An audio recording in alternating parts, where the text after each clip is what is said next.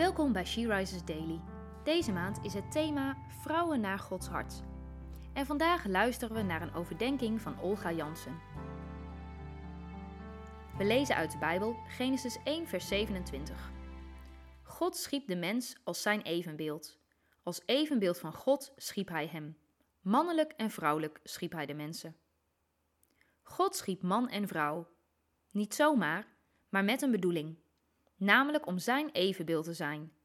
Niet letterlijk, maar beeld van zijn wezen. De mens, man en vrouw, zijn samen het evenbeeld van God. Allebei nodig om dat beeld compleet te maken. De een niet meer dan de ander.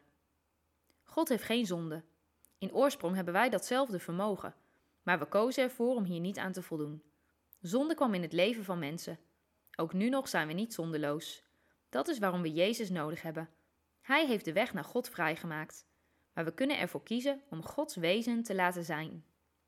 We mogen groeien in de vrucht van de geest om zo zijn karakter te weerspiegelen aan de mensen om ons heen, opdat zij hem leren kennen. Het weten dat we naar zijn beeld gemaakt zijn, mag een gezonde basis zijn voor eigenwaarde. Je bent niet niets, je bent beelddrager van de Allerhoogste. Leef naar hoe je geschapen bent, want daarmee eer je je maker. Besef jij je dat je beelddrager van de Allerhoogste bent?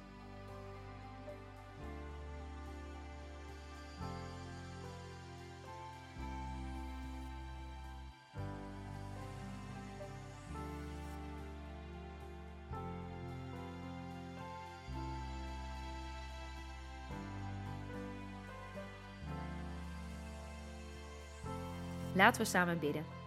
Vader, u bent de Allerhoogste. Toch mag ik uw beelddrager zijn. Help mij om te groeien in de vrucht van de geest, opdat anderen u in mij zullen zien. Amen. Je luisterde naar een podcast van She Rises. She Rises is een platform dat vrouwen wil bemoedigen en inspireren in hun relatie met God. We zijn ervan overtuigd dat het Gods verlangen is dat alle vrouwen over de hele wereld Hem leren kennen. Kijk op www.she-rises.nl voor meer informatie.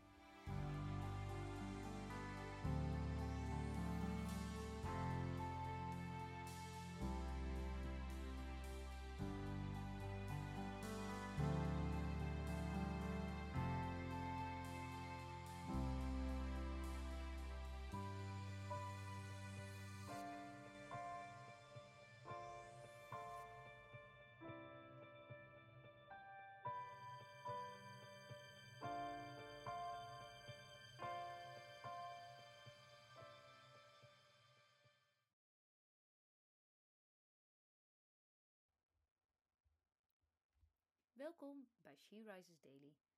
Deze maand is het thema wijsheid.